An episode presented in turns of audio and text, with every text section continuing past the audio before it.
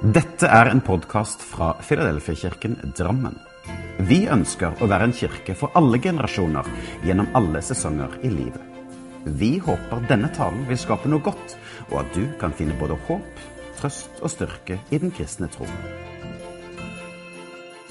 Les mer om vår kirke på filadelfiadrammen.no.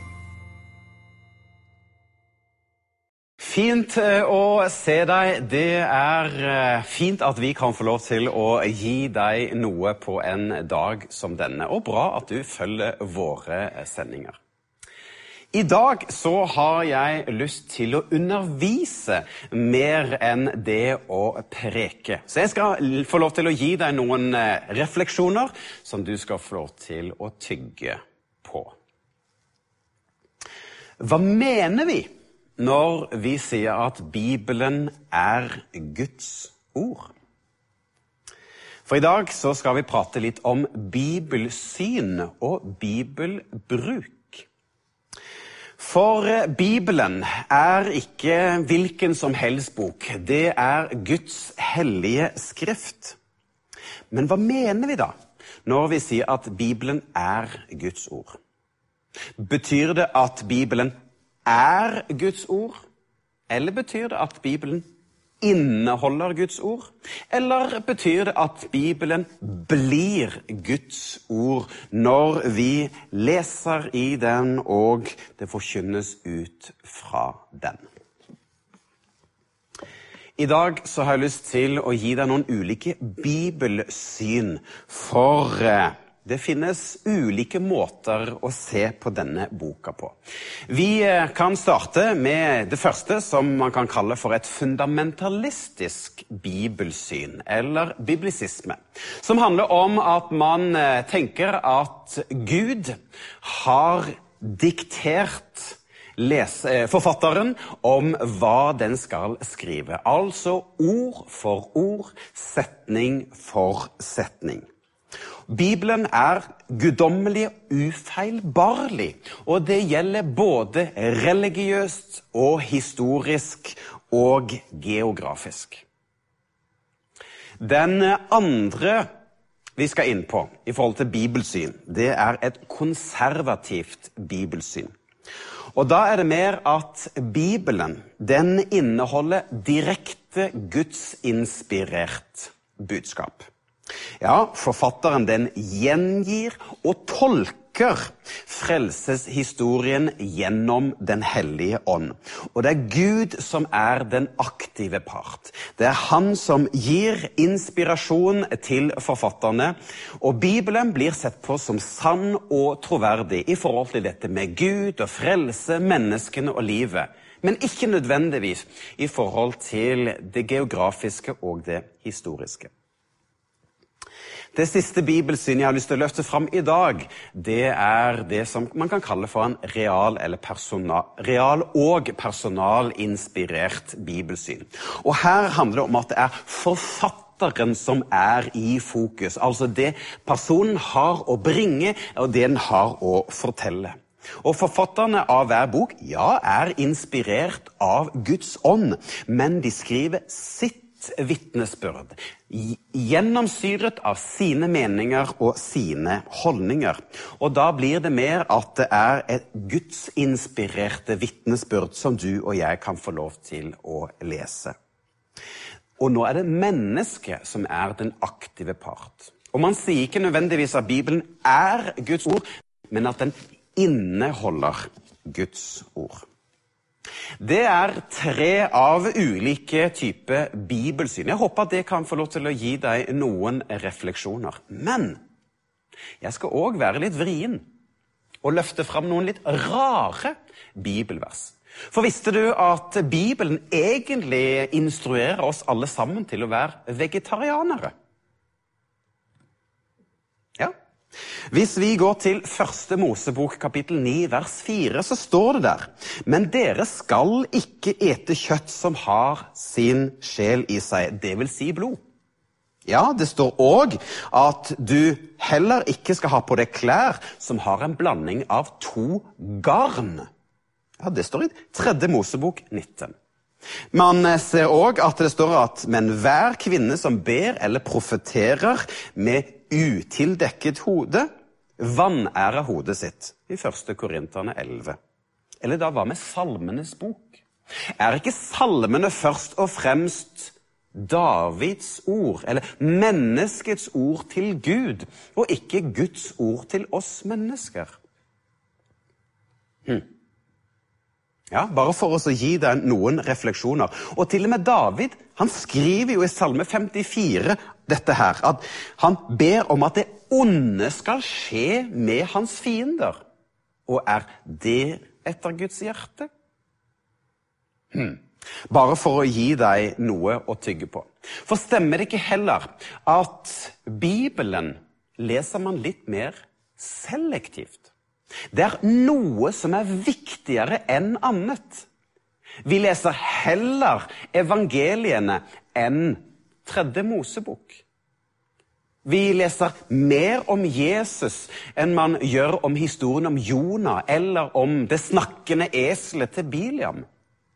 Man vekter ting ulikt.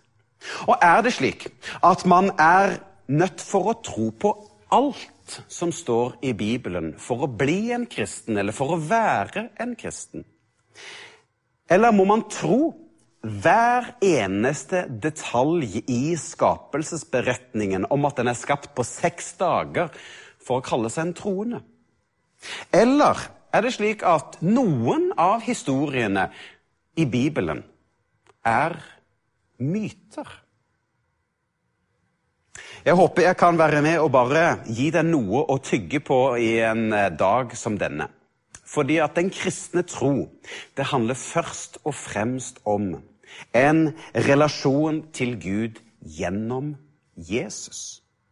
For en kristen lesning av Det gamle testamentet handler om å se og gjenkjenne ropet om at en frelser skulle komme. Jesus Kristus, Guds sønn. Fordi at Gud har gjort seg til kjenne i historien. Jo, han skapte universet, og han sendte sin sønn. Vi kan lære Gud å kjenne gjennom en kurbe, gjennom et vaskefat og gjennom et kors. Altså Gud som et spedbarn, som en tjener, og slik som den korsfestede. Og Martin Luther han skal ha sagt at i Jesus har Gud fått et ansikt. Bibelen er først og fremst en frelseshistorie om at Gud har handlet.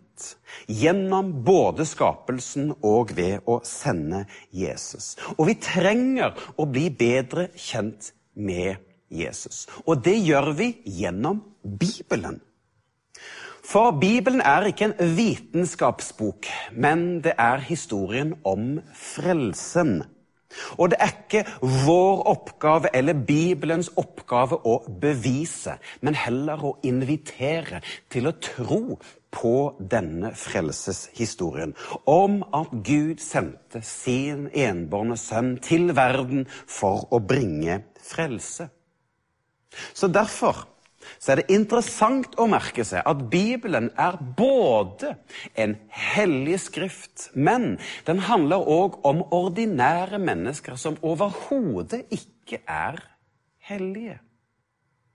Både det guddommelige og det menneskelige. Så hva mener vi med at Bibelen er Guds ord? Jo, man kan si at det er en kjærlighetshistorie som handler om at Gud søker fellesskap. Og han søker etter meg og deg. Og han strekker ut sine naglemerkede hender for å vise sin nåde og sin kjærlighet til oss. Og så handler det om at vi, at du og jeg, setter oss inn som en del av denne historien. Så kanskje heller man kan kalle det for et Kristus-sentrert bibelsyn. At når man leser Bibelen, så leser man det i lys av Jesus og i lys av frelsen. For da blir Bibelen relevant for meg og mitt liv. Ja, da blir det som om at Bibelen blir et kompass for livet, der Gud har tegnet opp en vei for frelsen, men òg hvordan du og jeg skal leve. Jeg har òg lyst til å ikke bare si noe om bibelsyn, men òg om bibelbruk. Og da har jeg lyst til å løfte fram tre begreper som jeg har kalt for objektiv lesning av Bibelen, subjektiv lesning av Bibelen, men òg åndsinspirert lesning av Bibelen.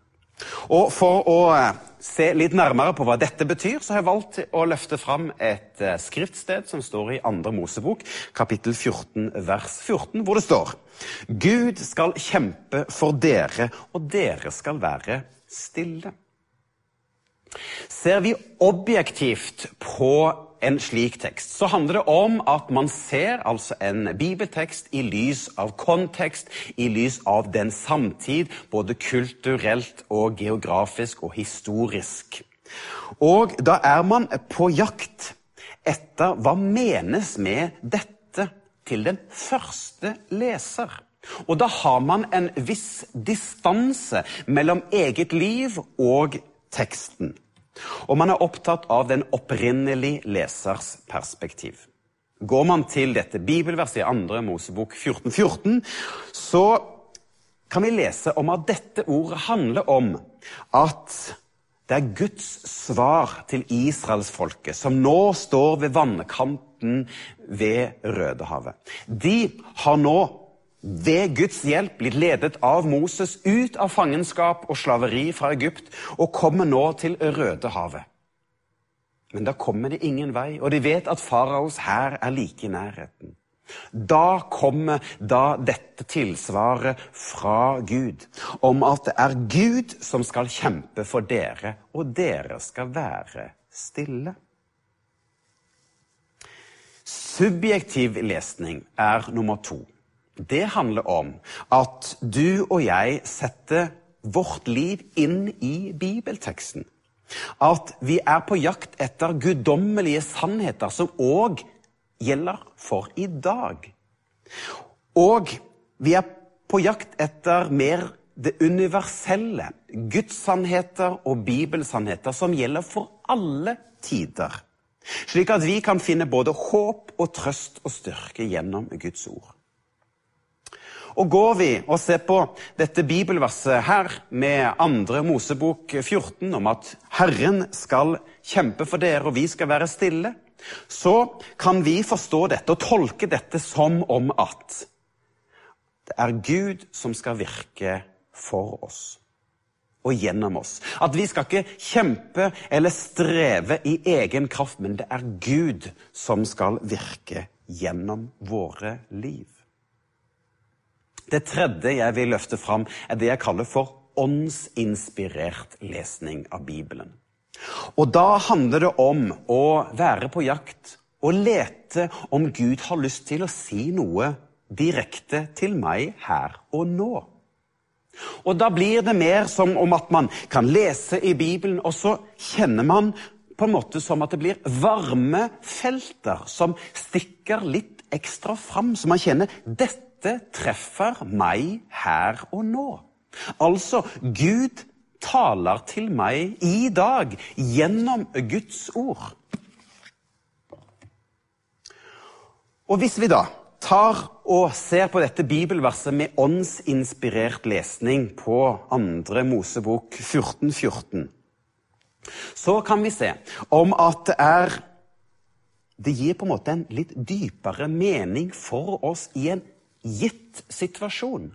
Altså, vi kan være i en krevende situasjon. Det kan være tider som er eh, farefulle, eller kan kjenne at det er vanskelig eller utfordrende, eller at vi står overfor noen valg, vi vet ikke hva vi skal gjøre. Og så kommer vi over dette bibelverset, og så kjenner vi at oi, her er det noe til meg i dag. Og det kan jo bety om at det er noe konkret som kommer til å skje, og at jeg dermed skal lene meg litt tilbake og heller stole på at Gud har kontroll i akkurat dette valget. Og at det er han som skal gjøre jobben, og jeg skal være stille. Og på den måten så kan man oppleve at Gud svarer helt konkret til oss, til meg, her og nå. Det kan være nyttig å reflektere rundt dette med bibelbruk. For nå har jeg snakket om objektiv lesning av Bibelen, om subjektiv lesning av Bibelen, men òg om åndsinspirert lesning av Bibelen. Og her så kan fort bibellesningen bli litt fattigere dersom vi kun leter etter det historiske og det opprinnelige som dette var ment til. Det kan òg bli fattig dersom vi bare ser etter de store, universelle sannhetene. Men det kan òg bli fattig dersom vi bare er på leting etter åndsinspirerte varmefelter som stikker opp for meg i en situasjon akkurat her og nå. Jeg tenker at for å få en sunn og matnyttig bibellesning, så trenger vi både og. Vi trenger å møte Bibelen med våre liv. Men vi trenger òg å kunne dykke litt dypere inn for å forstå mer av hva Gud har å si til meg og deg. Går vi til Hebreerne 9, så kan vi lese om Jesus som eh, Guds lam og Jesus som vår øverste prest. Men det blir litt fattigere å lese om det dersom vi ikke leser dette i lys av Mosebøkene. For der fortelles det grundig om Guds lam, Guds offerlam, og om Gud, eller om øversteprestene. Så vi trenger å ha med dette historiske, denne objektive lesningen, for å få en større forståelse for hva tekstene egentlig betyr. Man kan òg gå glipp av en del ting hvis vi ikke velger å lese åndsinspirert. Da kan det bli litt mer fattig. Da kan Bibelen på sett og vis bli som en ordinær skjønnlitteraturbok som eh, bare er historie. Men Bibelen er så mye, mye mer, fordi at Gud taler til oss gjennom Bibelen og gjennom Den hellige ånd. Men den kan òg bli smal, vår bibellesning, om vi bare er på jakt etter direkte tiltale. Men vi trenger òg å fylle oss med en subjektiv lesning, der vi fyller oss med hva Gud har å si av guddommelige perspektiver og himmelske impulser for alle tider. Så ja takk. Å finne balanse mellom både objektivt, subjektivt og åndsinspirert vil gjøre bibellesningen sunn og spennende. Så til slutt noen eh, spørsmål til deg. Lar du Gud få lov til å få muligheten til å tale til deg gjennom sitt ord? Lar du ordene som er gitt i en bestemt historisk kontekst, og få lov til å påvirke deg som guddommelige prinsipper i livet ditt? Og er du òg interessert i å gå litt dypere inn i bibeltekstene for å forstå mer av Guds herlige frelseshistorie, om Hans godhet og Hans nåde? Og hvor åpen er du for at Den hellige ånd kan virke gjennom Guds ord på din hverdag? Ja, vi trenger, du og jeg, å fylle oss stadig med himmelske impulser, slik at Gud kan få lov til å påvirke oss til eh, å leve det liv han har for oss. For når hans tanker får lov til å fylle deg og påvirke deg, så vil det lede deg inn i et spennende liv sammen og gjennom Han. Amen.